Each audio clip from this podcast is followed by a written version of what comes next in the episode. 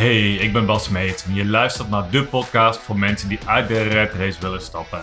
Ik deel mijn eigen ervaringen en ga in gesprek met anderen over thema's als zingeving, bewustzijn, spiritualiteit, persoonlijke ontwikkeling, carrière en startend ondernemerschap. Zo, we zijn weer live met de volgende aflevering van onze podcast. En dit keer hebben we een nieuwe gast natuurlijk en dat is Suzanne van der Hoorn. En Suzanne die is tegenwoordig uh, transformatiecoach voor zelfbewuste vrouwen. Tussen de 25 en 50 schrijft ze zelf.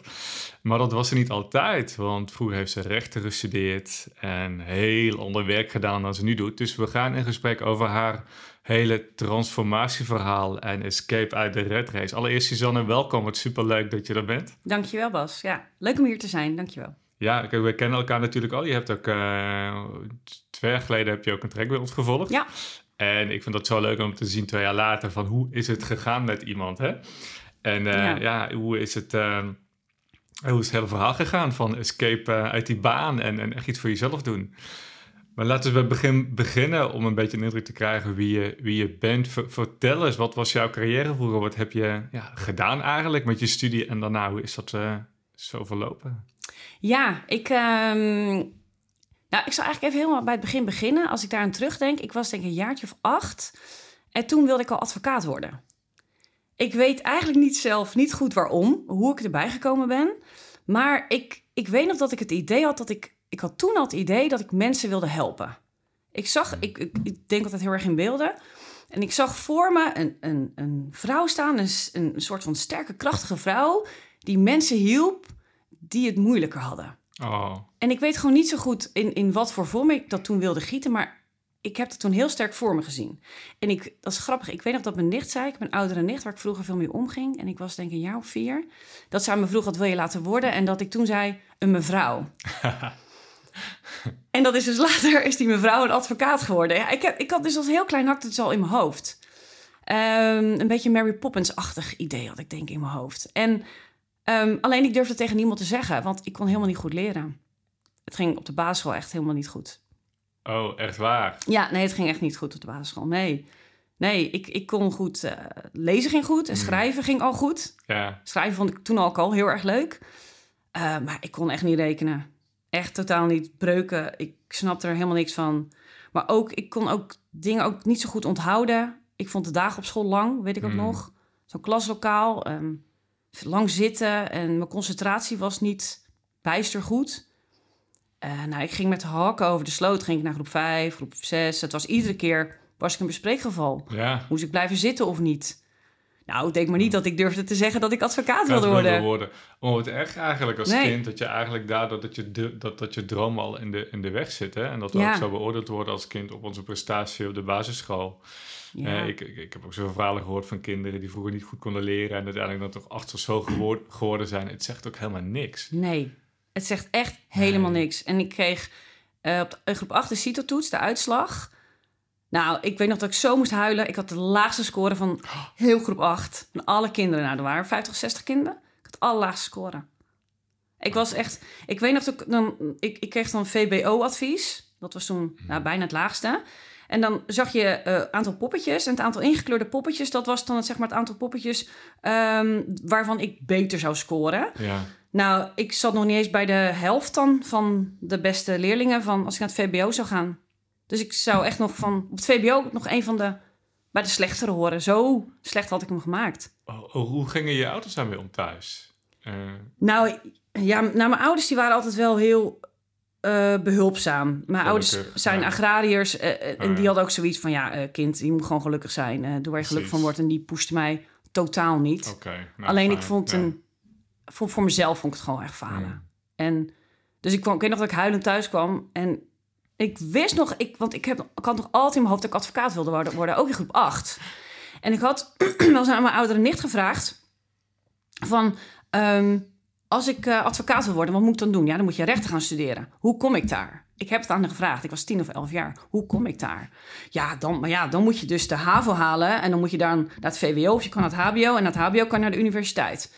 Dus toen had ik in mijn hoofd, oké, ik moet dus naar die HAVO. Hmm. Hoe kom ik op die HAVO? Toen had ik ook zo'n schemaatje van haar gezien. Ik dacht, oh, van VBO kom ik nooit op de HAVO. Want dan moet je eens naar MAVO, uh, VBO, MAVO, MAVO. Nou, in ieder geval, je kwam niet op de HAVO terecht. Dus ik dacht, ik moet naar die VBO-MAVO. Ja, Dan kan ik naar de MAVO-HAVO, naar de HAVO, HBO, universiteit. Dat precies. ik toen in mijn hoofd. Ik weet niet waarom, maar ik voelde al van dat... Op die leeftijd is mijn al pad. dat dit het pad is. Ja, maar ik durf kijk. tegen niemand te zeggen. Want ik dacht, iedereen lacht me uit. Dan kom ik aan met mijn VBO-advies.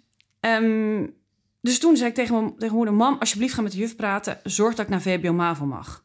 Ik moet daar naartoe. En mijn moeder die keek me aan en die zei... Ik ga het voor je regelen, kind. Je Oh. gaat gewoon zorgen dat je naar die, naar die VBO-MAVO mag.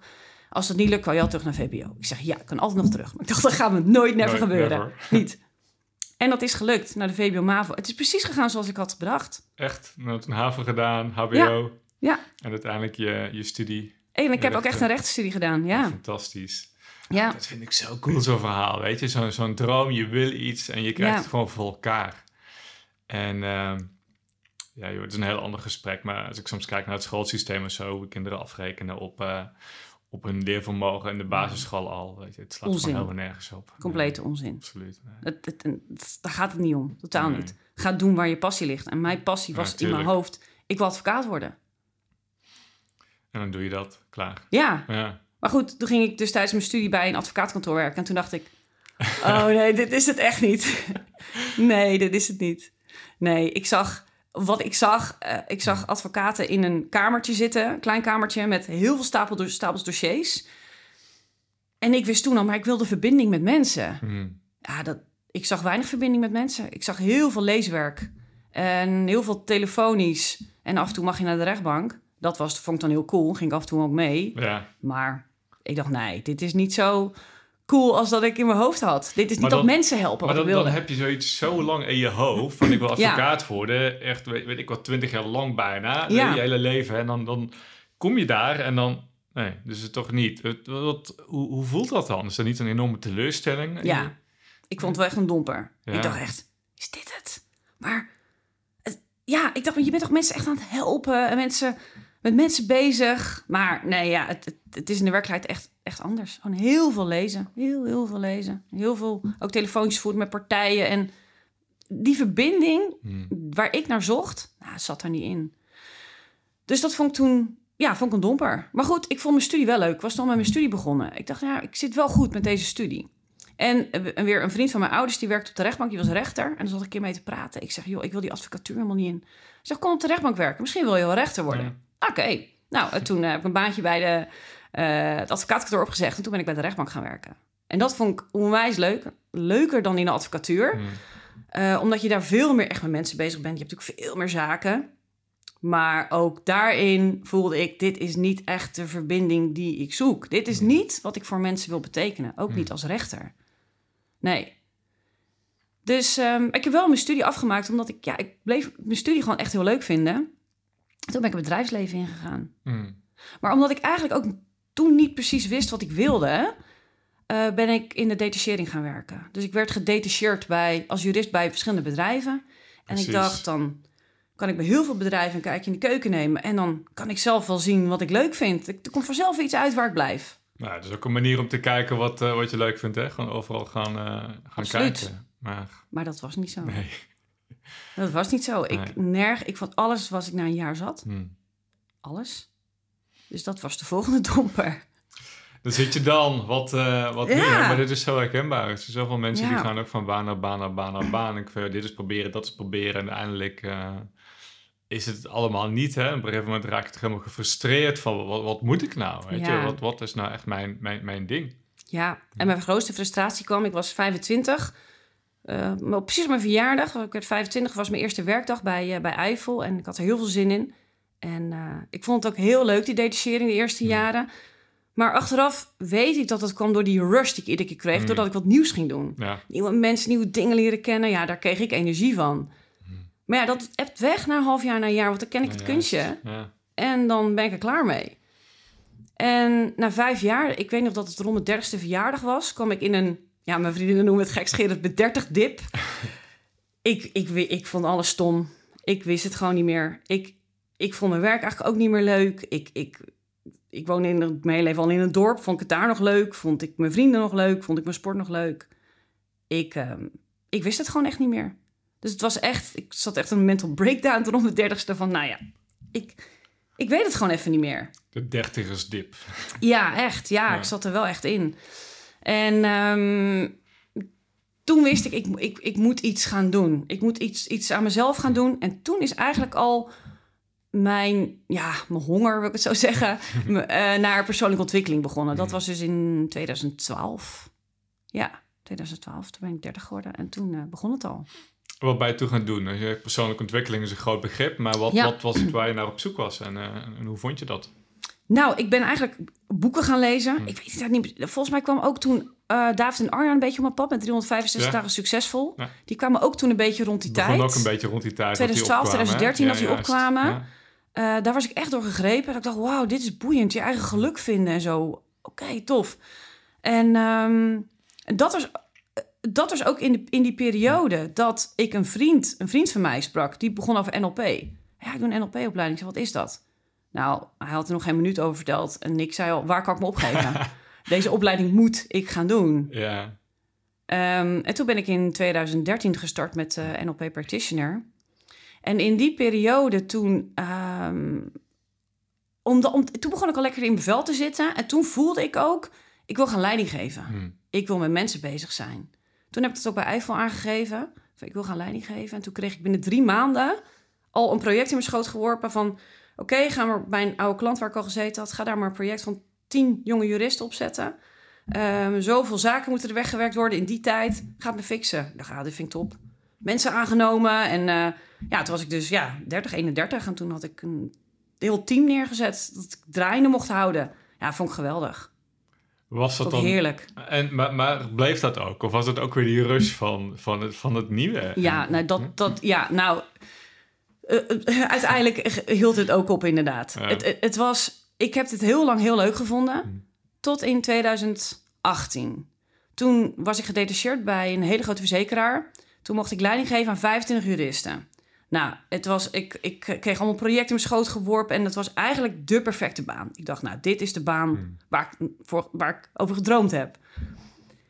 En toen, ik weet nog dat ik, dat was eigenlijk na drie kwart jaar of zo, dat ik ineens dacht, ja, maar dit is het niet. En toen dacht ik, ja, maar als dit het niet is, wat is het dan? Dan wel, ja. Ik weet nog dat ik daar zat en achter mijn laptopje en eh, ik dacht, nou, nee, dit is het ook gewoon niet meer. Dat leidinggeven is het ook niet meer. En ik, ik weet niet, ik zag ook ineens, zag ik de wereld ook anders voor mijn gevoel. Ik zag het kantoorgebouw echt als een gevangenis. Ik we zitten hier gewoon opgesloten. Ik zag mensen ook als een soort robots ineens. Ik zag om mensen gewoon een soort gevangenis om hun hoofd. Ik denk, we zitten allemaal in een mentale gevangenis. Dit, maar dit is zo mooi. Dan gaat er een knop om in je hoofd. En ik begrijp heel Ja. goed wat je bedoelt. Hè? Dat heb ik ook gehad. En als je erin zit, zie je het niet. Hè? Mensen, je zit gewoon aan het systeem. Je gaat naar je werk, naar kantoor. En het is zo normaal. Maar op een gegeven moment gaat er zo'n knop om. En dan, dan kijk je om je heen en dan denk je... Wat, wat is dit eigenlijk allemaal? Al die mensen in zo'n kantoorgebouw, als op de automatische piloot, 's ochtends uit hun bed, daar naartoe. Die gaan daar naar binnen, die zitten daar opgesloten. Ja, nou ja, of ze dan naar binnen of, binnen of buiten kantoor werken, maakt het niet uit. Maar het is met mentaal zit je opgesloten en je weet het niet eens dat dat zo is. Nee, Hey, je ziet niet wat je niet ziet, want als je de buitenkant niet kent, we- weet je het gewoon niet. En, en bij heel veel mensen gaat er opeens gaat dan die knop om. En dan denk je van, hé, hey, dit, dit is raar. ja, Dit is echt raar. ja, En, en dat is soms moeilijk te begrijpen. Kun je toch veel mensen die dat luisteren ook denken van... "Ja, wat bedoel je nou? Maar dit is, dit is zo'n be- zo, zo'n bewustwording... dat je opeens heel anders naar de wereld gaat kijken. absoluut. En het, het, het hele idee werk ook. Van dat we allemaal voor een baas werken... En, en, en aan bijdragen aan zo'n groot bedrijf... en aan, aan de winst daarvan... en zelf allemaal moeten voldoen aan regeltjes binnen zo'n organisatie en onszelf moeten aanpassen daaraan, in plaats van dat we ons helemaal zelf mogen zijn. En ehm, ja, veel mensen denken van ja, maar het is normaal. Als je zo'n bedrijf werkt, dan pas je toch aan en dan zorg je dat je op tijd komt, dan doe je gewoon je werk en doe je dit. I get it, weet je, maar er is iets, zo'n oerinstinct, zo'n gevoel ergens in ons, dat we, klopt hier iets niet. Het is raar. Ja. ja. Dat had ik. En dit hele idee van werken voor een baas, hè, nou, als we kijken, zeker grote bedrijven bestaan pas 100, 150 jaar.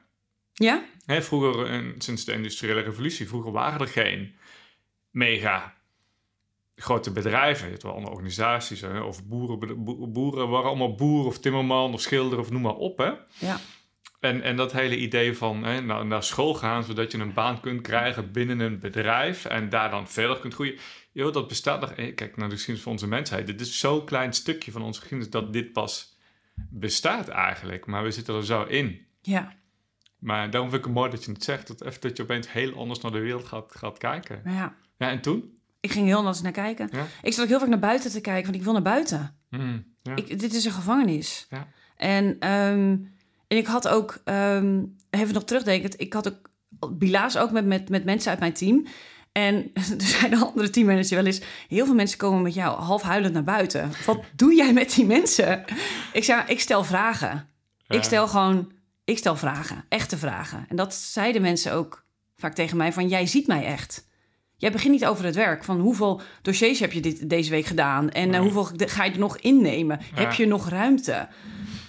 Nee, ik begon altijd maar, hoe gaat het echt met je? Waarom vind je het hier echt zo leuk? Want weet je wat ik ook merkte? Dat deed ik ook bij mezelf. Je praat jezelf het goed. Hmm, Je, je, je, ja, het, het, je gevoel zegt, het klopt niet. Maar je zegt continu tegen jezelf, niet zeuren. Kom op, doorgaan. Nee, Dit joh. is het gewoon. Wat zeur je nou? Ja, wat kun je anders ook? Want Ja, je, zit daar toch? eenmaal en je wil niet iets doen wat niet klopt. Dus je, Mhm. je brein, hè, je ego, gaat het ook goed praten voor jezelf. Want het hoort Exact. toch zo. En, hè, en dus ja, weet je, het, het is, eh, je, je gaat zelf je eigen oplossing creëren in je hoofd. Mhm. Om ervoor te zorgen dat, eh, ja, wat anders, ja, wat anders. Hè? Als je eh, moet toegeven dat het niet goed is wat je aan het doen bent, ja, wat moet je dan? Weet je, dan moet je iets anders, moet je eruit, dat is veel te eng. Ja, Dus je gaat het vanzelf goed praten dat, het, dat je daar zit en dat het normaal is. Je hebt een goede baan en je moet gewoon werken. Je collega's doen het toch ook. Je verdient toch geld en goed voor je cv en al dit soort dingen. Hè. Dat. op, ja. ja, en zeker bij een verzekeraar. Je krijgt Ja. goed betaald. Je krijgt allemaal korting op verzekeringen en dat soort dingen op je hypotheek soms nog. Je zit echt in de gouden, ja, gouden kooi zit je. Ja. Ehm, maar goed, tijdens die bila's ging ik... Ik had, ik, dat deed ik, ik weet niet, dat deed ik al uit mezelf. Ging ik al door dat stemmetje heen prikken. Ik liet ze zien dat ze een stemmetje hadden die tegen hun zei Hmm. van... eh, je zit hier echt heel goed. Dus echt inderdaad wat jij zegt, goed voor je cv. Maar Hmm. van binnen gebeurde er iets anders. Iets anders, ja. En dat, ehm, dat liet ik ze inzien. En daardoor ging, ja, gingen toch veel mensen toch huilen in mijn bila's van... Ja, ja, shit. Nee, ja, het, het is toch eigenlijk allemaal niet zo mooi als, als dat het eigenlijk is. Ehm, en daar wil ik mensen echt gewoon mee helpen. Oké, maar als Hmm. dit niet is, wat is het dan wel? Hmm. Ehm, ja, en, en toen merkte ik van, hé, maar hier ben ik dus heel goed in. En ik dacht, toen dacht ik, oh, hier moet ik iets mee. Iets in mij zei al van, hier moet ik iets mee. Omdat Ja. heel veel mensen ook tegen mij zeiden van, wat kan jij dit goed? Gewoon mensen echt zien en dan daar de kern gaan raken. Zodat mensen echt over zichzelf na gaan denken. Ja. En loskomen van al die stemmetjes. Eigenlijk die gevangenis waar ze zichzelf mentaal in hebben zitten. Ja, klopt. Ehm, en toen dacht ik, ja, daar moet ik iets mee. Maar goed, toen heb ik eigenlijk een, een fout gemaakt die heel veel mensen maken. Ehm, want ik, eh, ik raakte zwanger voor mijn tweede zoontje. In 2019 eh, kwam mijn verlof eraan. En toen dacht ik, ik moet hier weg. Ik moet ook bij Eiffel weg, ik moet weg. Maar wat ging ik doen? Ik ging een, ik ging een andere baan zoeken, maar eigenlijk vanuit het feit van, ik wil daar weg. Dus weg van. Weg van in plaats van naartoe. Ik, naartoe, Ja, exact. Ja. Ja. dus ik zat in een, eigenlijk in een verkeerde mindset. Ja, Ik, ik voelde zo erg sterk dat ik daar weg moest, dat ik gewoon mijn baan heb opgezegd. Hmm. En ik dacht, na mijn verlof zoek ik wel wat anders. Hmm. Ik moest gewoon weg, ik heb mijn baan opgezegd. Toen kwam ik bij een, een werving- en selectiebureau voor juristen. En dat ik echt zo zei, ja, nou, ik weet eigenlijk helemaal niet goed wat ik wil. maar ik wil gewoon weg bij Eiffel. Nou, twee hele leuke dames waar ik mee sprak. En die zeiden, waarom kom je niet bij ons werken? Volgens mij ben je geknipt voor dit werk. En ik dacht, ja, nou, ik krijg gewoon een baan in mijn schoot geworpen. Ik denk, nou, het universum heeft het zo voor me geregeld dat dit zo moet zijn. Nou, dat was ook weer die Ja. stem waarin ik dit mezelf goed sprak. Precies, maar het is ook even strelend als je gevraagd wordt, hè? Ja, zeker. Kijk, het is heel moeilijk om nee te zeggen tegen iets waar je gevraagd wordt. We vinden Ja. het allemaal heel fijn om gevraagd te worden. Mhm. En we worden gezien, we krijgen bevestiging. Hè? Nou, dat, dat, ja, dat is gewoon een oer... eh, eh, het ding wat we nodig hebben. We Ja. hebben die bevestiging nodig van, van mensen. Je krijgt dat, kom bij ons werken. Ja. We willen jou. Oh, ja, wauw. Ja, zeg maar eens nee. Dat, Ja. En leuke Ja. meiden, ik had die klik. Ik dacht, nou, Ja. dan ben ik maar weg bij Eiffel. Mm. Ben ik maar weg bij... eh, en het was helemaal geen verkeerd bedrijf, maar ik wist dat ik het daar niet meer te zoeken had. Hmm. Dat was het voor mij.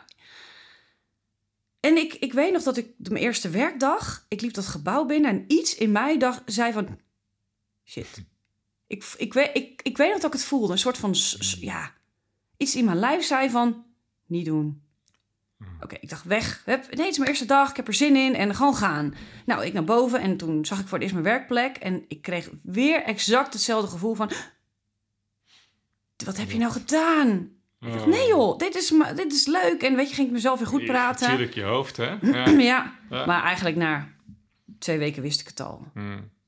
Dit is het echt niet. Maar ik ging gewoon door. Ik dacht, nee, kom op, ik moet het toch doorzetten. En na vijf weken, nou, ik was net aan mijn proeftijd, maar ik, ik, eh, ik dacht, ik ga mijn baan opzeggen. Ik vond het heel moeilijk, Mm. maar ik heb mijn baan opgezegd toen. Voor de tweede keer in een jaar tijd, zonder Ja. dat ik wat anders had. Nou ja, wel knap dat je het gedaan hebt. En, eh, en, en wel op dat pad was van het durven luisteren naar je gevoel. Hè? Ja. En het eigenlijk weten en, en het, je patroon inzien. En inzien dat je jezelf Ja. de hele tijd aan het bevestigen was dat dit goed voor je is en dat het leuk is. Maar ja, je hebt het wel door. Ja, ik had het door. Ja. Omdat ik me al, ik had me al zo lang in persoonlijke ontwikkeling verdiept, Mm. NLP-opleiding gedaan. En ik had zelf mijn mensen tijdens het werk daarin ja, geholpen eigenlijk. Mm. En laten inzien. En toen dacht ik, ik zit het zelf ook weer te doen. ja, ik heb mijn baan opgezegd. En toen had ik niks. Eind 2019. Baby van drie maanden, vier maanden. En eh, nou goed, mijn vriend had wel in, gewoon inkomen. Maar toch, ja, het was wel spannend. En toen, eh, nou, op mijn eerste werkloosheidsdag belde een oud collega van mij, ook een vriendinnetje van mij. En die wist ook van mijn verhaal. En die zei, Suus, mijn leidinggevende, die gaat eh, acht maanden met zwangerschapsverlof. Wil je haar vervangen? Dan heb jij mooi acht maanden de tijd om echt voor jezelf uit te zoeken wat je Hmm. wil. Want dit is toch tijdelijk. Ik dacht, nou, top. Leidinggeven, het juridische werkveld kan ik. Ga ik doen. Ja, En dat heb ik gedaan. oké. En wat was dat voor werk? Eh, toen was ik eh, griffier bij het Hof van Discipline. Dus ik zat in het advocatentuchtrecht. Ja. En eh het was een team van vijf mensen. En dat was, eh, het ging helemaal niet goed in dat team. Dus ik kon daar gewoon lekker aan de slag. Ik, dat, dat vond ik wel lekker. Want ik Hmm. wist, dit, is- dit is echt tijdelijk. Want ik ga nu echt, Maar dan, dan echt heb je... kijken wat ik wil. Dat is heel ander, gevoelen, hè? Want je hebt dan een stip op de horizon of zo. Ja. Nou, bijna in ieder geval. Je weet dat dit het niet is. Hmm, En dan gaan we een heel ander gevoel naar je werk toe, hè? zeker. Dit heb ik gewoon met plezier gedaan. Ja. Ik wist, er komt iets anders. Nou, toen kwam die coronatijd en mijn agenda was leeg. Toen dacht ik, alle tijd om nu naar binnen te keren. En toen ben ik echt het pad van persoon, echt het pad van persoonlijke ontwikkeling opgegaan. Maar dan echt in mezelf. Echt gewoon voelen ook, hè? Naar, Ja. je, ja, naar, naar binnen toe. Want Ja. je, heb persoonlijke ontwikkeling is zo'n woord, hè? Heel veel mensen die doen aan persoonlijke ontwikkeling. Maar ik zie nog steeds dat ze het vaak vanuit hun hoofd doen. Ja, Hè? Maar, maar omdat we gewoon niet meer gewend zijn om echt naar binnen te keren. Om echt onze emoties te durven voelen. Hè? Onze, ja. we hebben allemaal zoveel opgeslagen boosheid in ons, en verdriet en angsten. En joh, heel veel mensen, als je dit zit vertellen, denk je van ja, nee, valt voor mij, ik niet. Maar jawel, weet je, alleen we zijn het niet gewend om er echt naartoe te gaan. En eh, dat is heel eng, Heel eng. Ja. Om, om echt te gaan voelen en er niet te zijn. Persoonlijke ontwikkeling is iemand, wie was dat nou? Iemand zei ik, persoonlijke ontwikkeling is ook gewoon een verdienmodel geworden. En dit is natuurlijk ook zo, omdat mensen ook verslaafd raken aan persoonlijke ontwikkeling. En dan is het geen persoonlijke ontwikkeling meer, dan is het gewoon weer afleiding, natuurlijk. Hè? En maar nee, volgens mij, ik denk soms gewoon, ga, ga maar eens gewoon zitten en niks doen. Dat is de beste persoonlijke ontwikkeling die je kunt doen. Ga maar eens gewoon 100%. voelen en, en zitten. En zitten met al jouw oncomfortabele gedachten en gevoelens die erop komen. Als je gewoon niks doet in plaats van weer boeken lezen, weer trainingen volgen. Weer, eh, weet ik hoeveel workshops volgen. Eh, Weet je, allemaal prima, haal je ook wat dingen uit. Maar het, het kan echt afleiding worden van mensen. 100 En Mm. dat had ik dus ook. Mm. Mijn persoonlijke ontwikkeling was eigenlijk de afleiding van mijn echte persoonlijke Ja. ontwikkeling. Ja. Ik was maar aan het consumeren omdat ik het allemaal zo interessant vond. Ehm, en toen wist ik, ik moet nu echt naar binnen. Daar Mm. vind ik de antwoorden. Ja. Toen heb ik ook een, eh, een, een hele goede coach gevonden. Ben ik zelf ook een coachtraject Mm. ingegaan. En zij heeft mij echt, echt naar binnen gebracht. Daar Ja. zitten de antwoorden. Ja. Ja, toen heb ik wel echt dingen gevonden dat ik dacht... Oh ja, oké, dit is dus wie ik ben. Dit is wat ik wil. ja. Maar dan moet je eerst echt, echt naar binnen. Precies. Mooi. Ja, mooi verhaal. En toen, 2021 was het volgens mij, kwam bij ons terecht, hè? Ja, ja, het, het, eh, hoe, hoe ging dat? Weet je dat nog? ja, ik weet zeker, want ik weet zeker hoe dat ging. Ik had, ik had jou, ik denk misschien in 2018 al, ergens had ik een advertentie of zo over jou gezien. Of iets van jou gezien. En ik Ja. dacht, die Bas, die, die, die zit gewoon in mijn hoofd. Wat jij opschreef, dat Ja. was precies hoe het in mijn hoofd ging. Oh, heerlijk. Maar dat is zo... Ja, dat hoor ik graag. Dat is de bedoeling. Ja, ik vond het fantastisch. Ja. Toen heb ik me ook eh, geabonneerd op jouw nieuwsbrief. Ja. En ik wist ook, als ik voor mezelf ga beginnen, dan ga ik naar die gast toe. Die, die moet mij Ja. helpen op een bepaalde manier, want dat, dat, dit klopt. Dus ik volgde jou echt al twee of drie jaar voordat Hmm. ik echt pas bij jou eh, eh, aanklopte. Omdat ik er zelf gewoon nog niet aan toe was. Hmm. Ehm, maar ik, ik zat bij een coach, bij Maaike Niestad. En zij geeft ook retreats. En ik, eh, ik zat, ze was me aan het coachen en ik zat eigenlijk gewoon even helemaal in mijn eigen wereld. En er kwamen allemaal dingen en flarden. En, en, en ineens kwam ik op dat ik naar haar in de beauty retreat moest gaan. En dat heb ik gedaan in november 2020. En toen heb ik ook gezegd, ik, mijn doel is, ik wil nu echt een plan hebben. Het, het zijn allemaal losse flarden dat ik, Hmm. dat ik ehm, voor mezelf wil beginnen, maar ik had nog zoveel beperkende overtuigingen. Er zijn al zoveel coaches. Wie ben ik nou? Ik heb hier toch niet voor gestudeerd? Kom ik aan met mijn verhaal? Ehm, al die beperkende overtuigingen, Ja. die, die beklemden me heel erg. Ehm, ik zeg, die moeten eraf deze week. En dan eh, wil ik ook een plan hebben. Dat is mijn doel. En als het niet lukt, dan moet ik een plan hebben voor iets anders. Maar ik ga niet eerder weg. Uit, dat was in Ibiza. Ik ga niet eerder weg voordat ik een plan heb. dit, dit is mooi, want je hebt een commitment. Ja, En, en, en dit is wat het verschil maakt. En voor mensen. Je hebt van mensen die denken van ja, ja, ik zal eens gaan kijken. Ik zou iets anders moeten. Mhm. Of misschien een keer, ja, misschien dit of dat. Maar jij zegt nu, ik ga niet eerder weg dan wat ik een plan heb. Weet je? En, Ja. en die commitment van ik ga het anders doen. Ik weet niet precies hoe of wat. Maar ik ga zorgen dat het plan er komt en klaar. Ja. En, en, en dat is wat de, de voorwaarde is voor verandering en transformatie. Een, een, commitment naar, naar jezelf. Ik, ik ga het doen. Ik weet nog niet hoe, maar ik ga het doen. Klaar. ja. Dan maak je echt een belofte naar jezelf ook. Absoluut. Een verlangen en een commitment, Ja. inderdaad. Mijn verlangen was heel groot om echt iets voor mezelf te Mm. gaan doen. Dat coachen zat ook wel in mijn hoofd, maar exact wist ik het ook nog niet. Hmm. Inderdaad, was een commitment. Ik dacht, ik ga, ik ga naar Ibiza en na een week ga ik naar huis. En als ik in het vliegtuig terug naar huis zit, heb ik gewoon een plan. Punt uit. Hoe dan ook, er staat gewoon een plan. Ja, en na drie dagen was eigenlijk het plan er al van de zeven dagen. Ja, ja toen had ik hem al. Dat had ik Ja. helemaal in mijn hoofd. En toen wist ik ook, ik ga eh, mijn Bas contact zoeken. Ik ga een, een business coach traject bij Bas doen. Die kwam ook heel duidelijk binnen daar in Ibiza. Ik ga de NLP coachopleiding doen. Ik ga dus weer verder met mijn Ja. NLP eh, eh, traject. En ik ga mijn baan opzeggen. Klaar. Dat was hem. Ja, Cool. dat ga ik doen. Net zoals je vroeger besloot, ik ga advocaat worden. Ja, ja inderdaad. Ja. Ik ga, en dat exact, ja. Dat is mooi dat ik het zeg. Dat, dat had ik toen ook een heel plan. Ik moet naar Ja. VBO, maar kan ik naar Haven, kan ik dan en dan. Nou, Ja. allemaal gedaan. En dit was ook precies, ik heb het precies zo gedaan. En dit is ook precies zo gelopen, zoals Ja. je vertelt, hè? Ja, het ik voelde het zo sterk. Ja, het gebeurt gewoon. Goed, dan heb je dus... eh, je had er geen baan meer, hè? Die, had je, ja, die zat in die tijdelijke baan, inderdaad. Hè? Ja, die, eh, ja, in en- 2021 zat ik in tijdelijke banen. En toen Ja. en je, je wist dat je iets anders ging doen, voor jezelf ging beginnen. Ehm, hoe, kijk, je was natuurlijk een hele tijd met dat proces bezig. Hè? Dus je hoofd bij al, al, al, al, bezig. Maar hoe voelde dat voor jou? Vond je het spannend? Vond je het, was je vooral, vooral enthousiasme dat je dit iets anders ging doen? Of was er ook veel onzekerheid? Ehm, nog over dit stuk van, van ja, ja ik denk voor je, iets voor jezelf gaan doen. Maar ja, ehm, hoe gaat Ja. het eruit zien? Dat, dat was er nog niet allemaal. Nee, dat, helemaal dat, niet. Dat, dat, hele stuk. Eh, dus hoe heb je dat beleefd? Was, daar, was er vooral vertrouwen? Van joh, komt helemaal goed? Eh, of ja, vond je dat moeilijk? Wat zat er nog wel onzekerheid? En, en heel veel mensen zitten natuurlijk in hun hoofd van ja, ik, hoe, ga ik dat dan doen? Oh, en hoe gaat het eruit zien? En echt in die, in die angsten. Ja, nou, het was bij mij. Ik had ook geen plan B. Ik dacht, dit, Hmm. dit gaat hem, dit Goed gaat hem worden. ja, En ik ja. vond ik, omdat ik het zo sterk voelde, Hmm. maar ik had absoluut nog die beperkende overtuigingen. En die schreeuwen af en toe gewoon tegen je.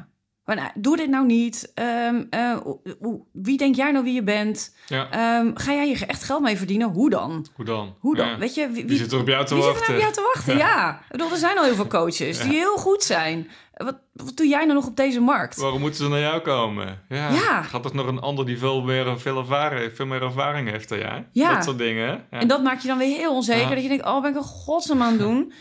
en, maar dat, er zat zo'n vuurtje in mij, dat verlangen, waardoor ik niet ben afgehaakt. ja, kijk. nee, nee, ik, dit, dit, dit is het. Dit is het echt. En dat komt echt omdat ik dat inner work had gedaan. Hmm, Dat ik echt wel goed in contact kon zijn met mezelf. hmm. En dan voelde ik, nee, maar dit is het.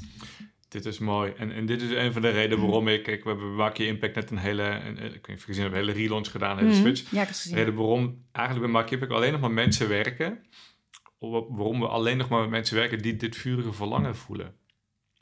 Omdat we gewoon gezien hebben in de afgelopen... Ja, ik weet, 2010 ben ik begonnen en dat, dat hele proces.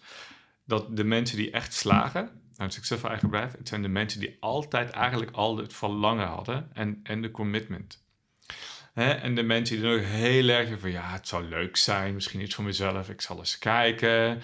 Hè, dat is prima, die kunnen dat ook onderzoeken. Daar heb ik een apart bedrijf voor opgericht, het passieprofiel. Maar die vaak haken die af.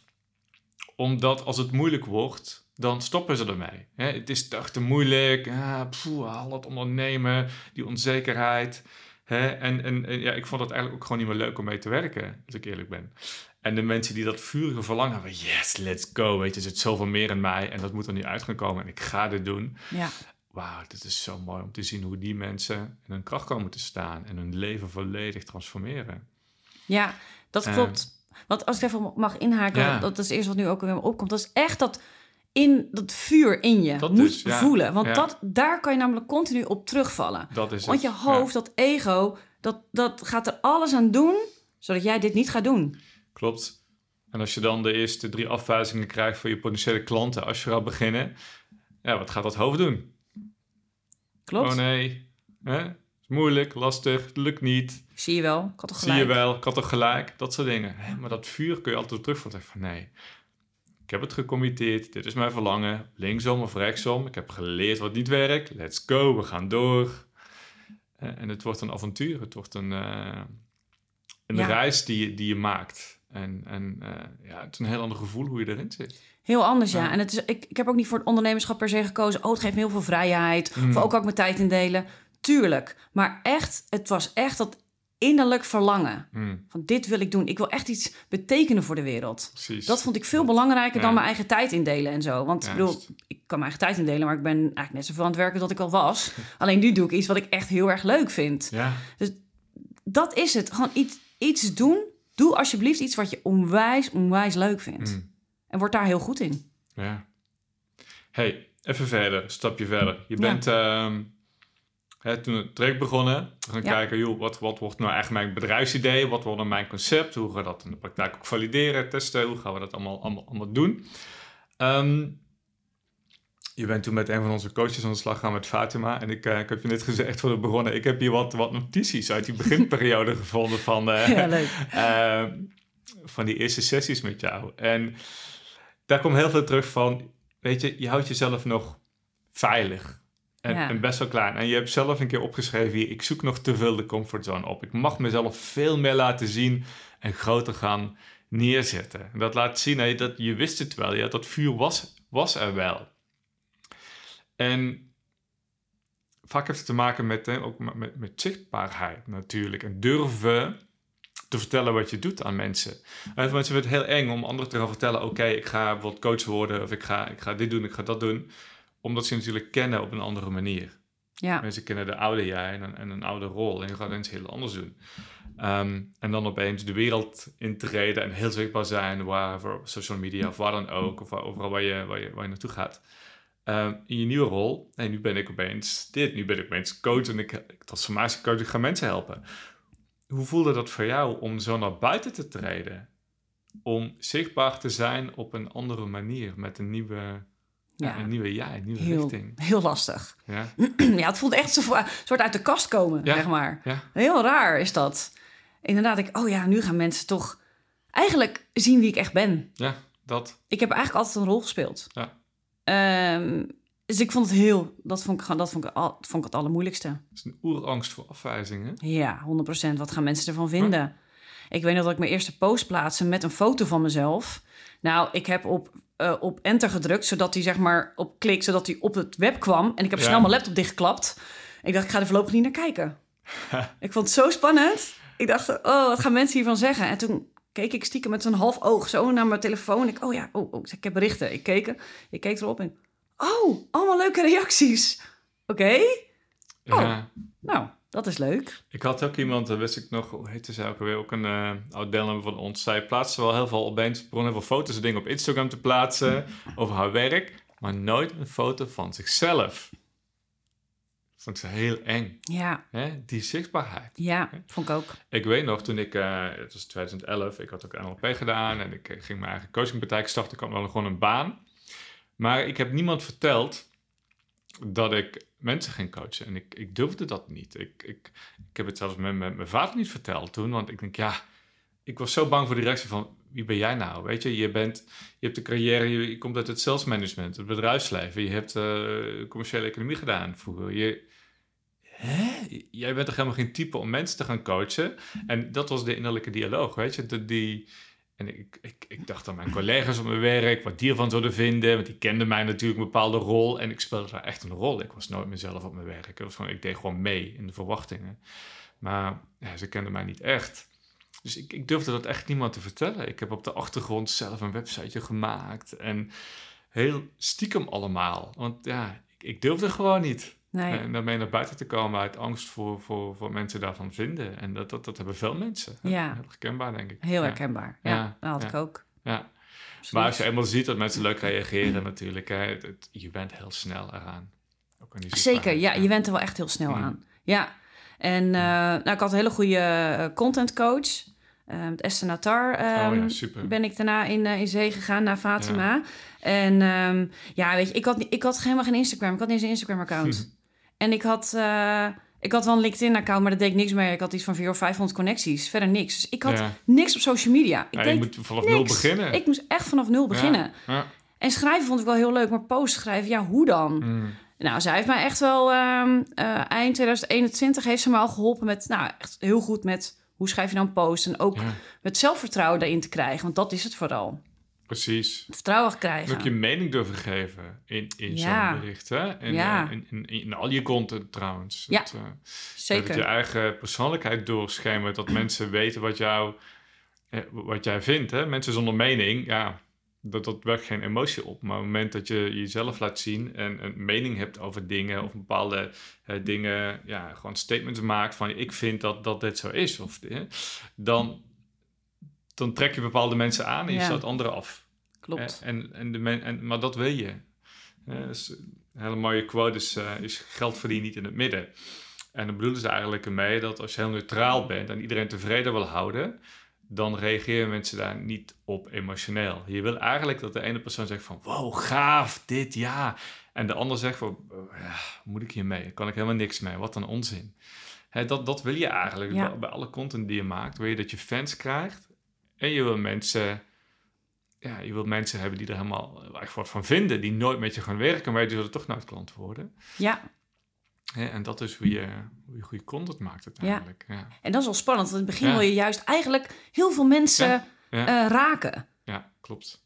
En dan leer, leer je uiteindelijk, nee, eigenlijk moet je juist veel minder mensen raken, maar die raak je dan echt. Ja, dat. Echt, echt een klein groepje mensen echt raken, want dat worden jouw fans. Precies. En de rest vindt jou wel aardig, maar zullen Ja. ook niet zo snel klant nee, worden. precies. Ik heb hier nog een mooie en, eh, uit jouw uh, traject bij ons, een mooie zin.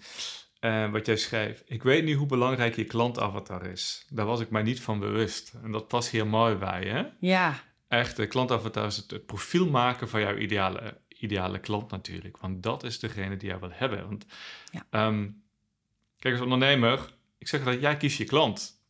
Niet, niet andersom. Hè. Wat veel mensen natuurlijk doen, ze, ze bedenken een, een product of een dienst. Ik zou dit kunnen gaan doen, of zou dat kunnen gaan doen. Ik wil dit of dat maken. En dan proberen ze dat aan zoveel mogelijk mensen te verkopen. En dan hopen ze dat er mensen komen die dat kopen. Dus het pro- product eerst, of dienst eerst. Maar ja, dan heb je helemaal geen controle over wie er komt. En, en, en of je dat wel leuk vindt, die, die mensen en die klanten. Of wel perfect aansluit bij wat klanten nodig hebben. En we draaien natuurlijk om. Een klant eerst. Het is jouw bedrijf. En jij mag nu zelf eens kiezen met wie wil ik eigenlijk werken. Wat wil ik eigenlijk gaan doen en met wie? Wie vind ik gewoon super leuk? Voor wie krijg ik zoveel energie dat ik met die persoon wil werken?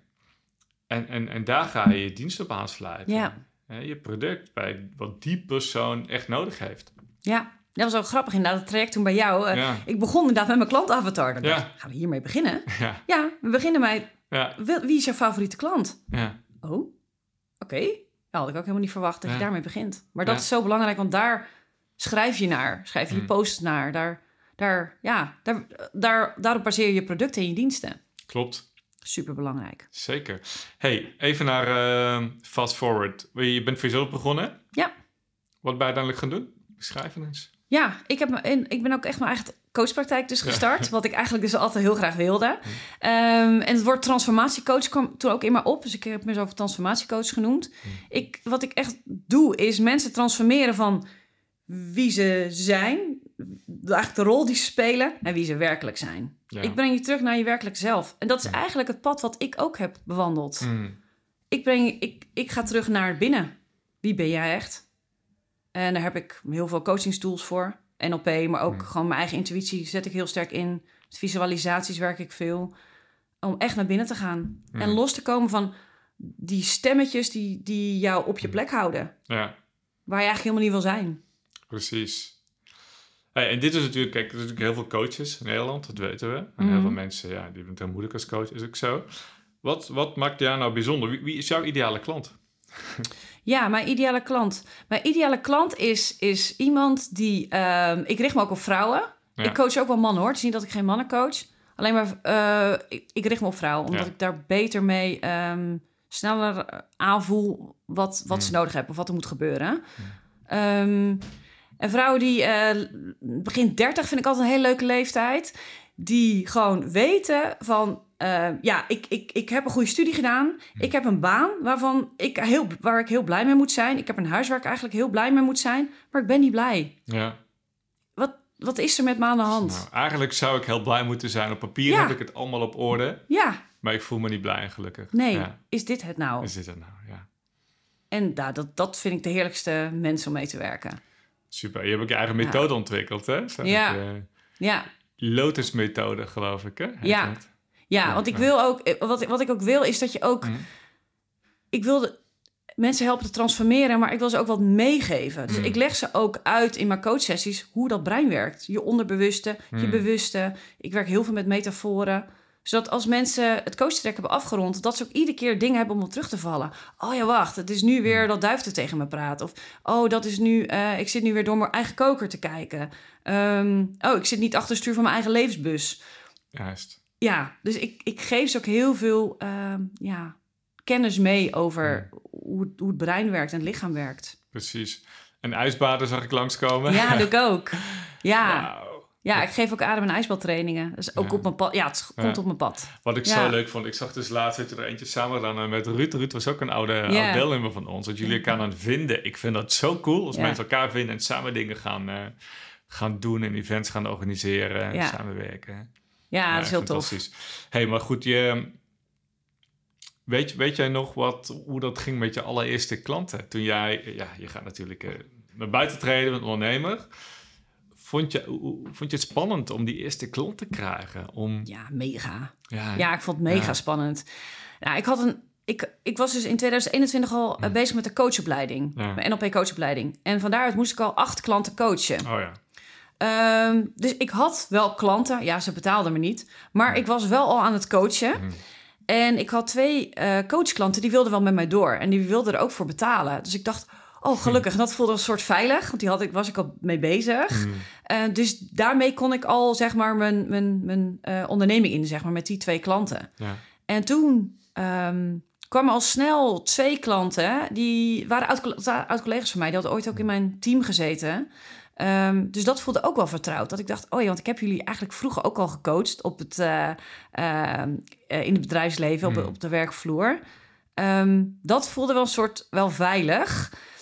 Maar toch was het nog heel spannend. Want ik, oh, wat zullen ze ervan vinden? Dat, hè? Ja. Oh, echt. En, en lukt het me allemaal wel? En maak ik alles wel waar wat ik verkondig? Ja. En ja, ach, mega. Ja, ik vond het heel spannend. Het is ook, ik moet toch wel lachen als ik steeds terug mijn, mijn allereerste betaalde klant als, eh, als NLP-coach, 2011 denk ik dat het was, misschien net daarvoor. En ik vond het zo rete spannend. Ik had via de NLP NLP-opleiding een klein format meegekregen van zo'n klein coaching traject. Ik zou eerst drie sessies met deze man doen. En mijn eerste klant, dat was meteen echt zo'n eh, senior manager. En eh, die vast zat. En ik bloednerveus. En ik, oh my god. En ehm, hij is na twee sessies is hij gewoon niet meer opkomen dagen. Ik heb ook nooit meer iets van hem gehoord. Antwoordde niet meer. Niks. En ik dacht, oh, maar ben ik zo slecht? Ik had zo'n echt zo'n deuk in mijn, in mijn zelfvertrouwen. Van, uh, oh my god, wat, wat erg. En ik, uh, ik, ik vroeg toen zelfs 250 euro voor die drie sessies, geloof ik. Ik vond dat toen veel geld. Ja, het is nu helemaal niks. Maar en toen vond ik dat heel spannend om daar geld voor te vragen Mhm. ook nog. Hè? Dus ik dacht, oh mijn hemel, wat gebeurt er allemaal? Ik vond het echt doodeng. Ehm, en ja, weet je, veel mensen herkennen dit zo met je eerste klanten. Je, je voelt dat je heel veel moet geven, dat je echt moet performen, dat je Ja. hè, is toch wel druk op staat. Wat als het niet goed gaat? Wat als ze je doorhebben dat, dat je net begint? En hè, die, Ja. dat imposter syndrome in het, eh, in het begin. Zo spannend. ja, Ja. dat is zeker. ja. Maar goed, je moet ergens beginnen, zeg ik dan maar altijd. Iemand moet je eerste klant zijn. Hè? Het is bij alle coaches zo. Iemand is ooit je eerste klant geweest. En eh, Ja. ja, ja, en dan dat... En dan toch weer eh, teruggaan op dat vuurtje in je. Dat. dat. is echt de, de basis. Als je die niet Hmm. hebt, dan is de kans heel groot dat je inderdaad ook niet doorzet. hm, En ook al gaat het een keer niet goed, inderdaad heb je een klant die niet Hmm. goed bij je past en waarbij niet helemaal lukt. Ja, Die stemmetjes die gaan weer tegen je tetteren van stop er maar mee, zie je wel, je bent een sukkel, doe het nou niet. ja, En als je toch weer terug gaat naar dat, ja, gewoon dat vuurtje in jezelf, Hmm. dan weet je weer, oh ja, nee, maar hier doe ik het voor en dit is wat ik hier te doen heb. precies. En net voordat we begonnen zei je ook, hè, van joh, het is ook niet altijd makkelijk dat het in één keer loopt. Hè? Want je, Nee. hebt, eh, je zei ook, weet je, vorige zomer, soms denk je ook van, ja, hoe moet ik de klanten nou weer vandaan halen? Ja, En, eh, en, en, en die periodes moet je ook doorkomen. Hè? En dan opeens gaat het weer supergoed en dan komen ze wel allemaal aanwaaien. En ik zeg dat het eerste jaar vaak als ondernemer is gewoon heel veel zaaien. En, en, en aanwezig zijn en netwerken en connectie maken met mensen. Zichtbaar zijn. ja, Weet, dat stukje intimiteit creëren, dus verbinding creëren met mensen. En ja, soms stappen mensen meteen in bij je. Soms duurt het gewoon een jaar, twee jaar voordat mensen klaar zijn om met je te werken. Maar je hebt dan zo'n eerste één, twee jaar ben je, ben je aan het bouwen ja, absoluut. aan je bedrijf. Hè? Dat merk je ook, denk ik. Dat dat, eh, Ja. hè, En ook je ja. je eigen stijl, je echt je Ja. eigen lijn vinden. Want in het begin ga je gewoon heel veel kijken naar hoe anderen doen. Suc- andere succesvolle coaches. Ik denk, oh, dan ga ik het ook zo doen. Ja. En dan ben je het zo aan het doen, maar dat voelt toch eigenlijk niet helemaal eigen. En mensen hebben dat door. Hm. Dat, dat voelen mensen gewoon. Dus echt naar je eigen stijl toe. Echt Mm. doen zoals jij, zoals het voor jou goed voelt. Precies. Dat is zo, zo belangrijk. Klopt. Dat je echt bij jezelf blijft. Mm. En dan gaan mensen jou echt kennen en dan gaan ze aan op jouw energie. Juist. Want het gaat denk ik niet eens om wat je doet, maar hoe je doet. Hoe je doet, ja. Met welke energie je Mm. iets doet. En dat heb ik wel gemerkt, dat is, dat is zo belangrijk. ja, Mooi. Nou, ik vind het super mooi om jouw verhaal te horen en hoe dat zo gegaan is die, eh, die afgelopen jaren. En ik ben natuurlijk heel nieuwsgierig waar het weer naartoe gaat ook de komende jaren. Heb, ja. heb jij voor jezelf nog een grote visie of een, een, een volgende stap waar je naartoe wilt? Ja, ja, ja, ik heb echt een droom. Ehm, nou, wat ik al vertelde, ik was in 2021 op de retreat geweest in Mm. Ibiza.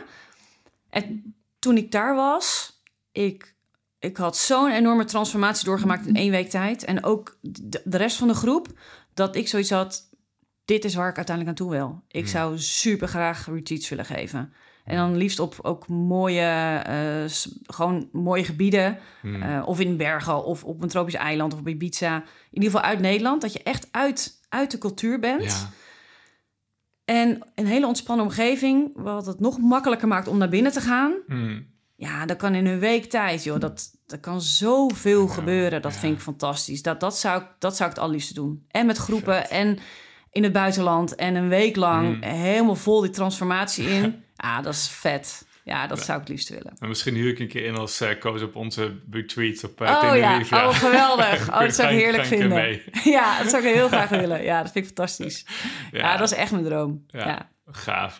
Ja. Hey Sil, dankjewel voor, jou, eh, voor jouw mooie verhaal. Om af te sluiten, waar kunnen mensen jou volgen en meer over jou vinden? Eh, op mijn website www.suzannevandehoorn.nl En ik ben ook heel actief op LinkedIn. Kan je me ook onder mijn eigen naam vinden. Eh, op Instagram ben ik ook te vinden onder Suzanne van der Hoorn. Ehm, ik geef ook regelmatig gratis masterclasses. Dan doe ik een visualisatie. Waarin ik je helemaal meeneem om eigenlijk een nieuwe versie van jezelf te vinden. Dus dan ga ik helemaal met je naar binnen. Ze zijn ook heel waardevol. Ik geef hem iedere keer opnieuw, omdat ik iedere keer mensen heb die zeggen: Ik wil meedoen. Ja, Ehm, dus, eh, dus daar kan je bij aansluiten. En eh, ja, ik geef ook adem- en ijsbaltrainingen. Dus daar kan je me ook, ook voor opvinden op de socials. Perfect. Ik zal je website bij de, bij de notes zetten onder, Leuk. De, onder de podcast. Super. Hey, ik wens je heel veel succes. Dankjewel. En nogmaals dankjewel hè. Dankjewel. Je luisterde net naar Uit de Red Race met Bas Meets. En je zou mij een enorm plezier doen wanneer je deze podcast een review of sterrenrating zou willen geven op Apple Podcasts of op Spotify. Wil je meer weten over het werk dat ik doe? Kijk dan op www.maakjouwimpact.nl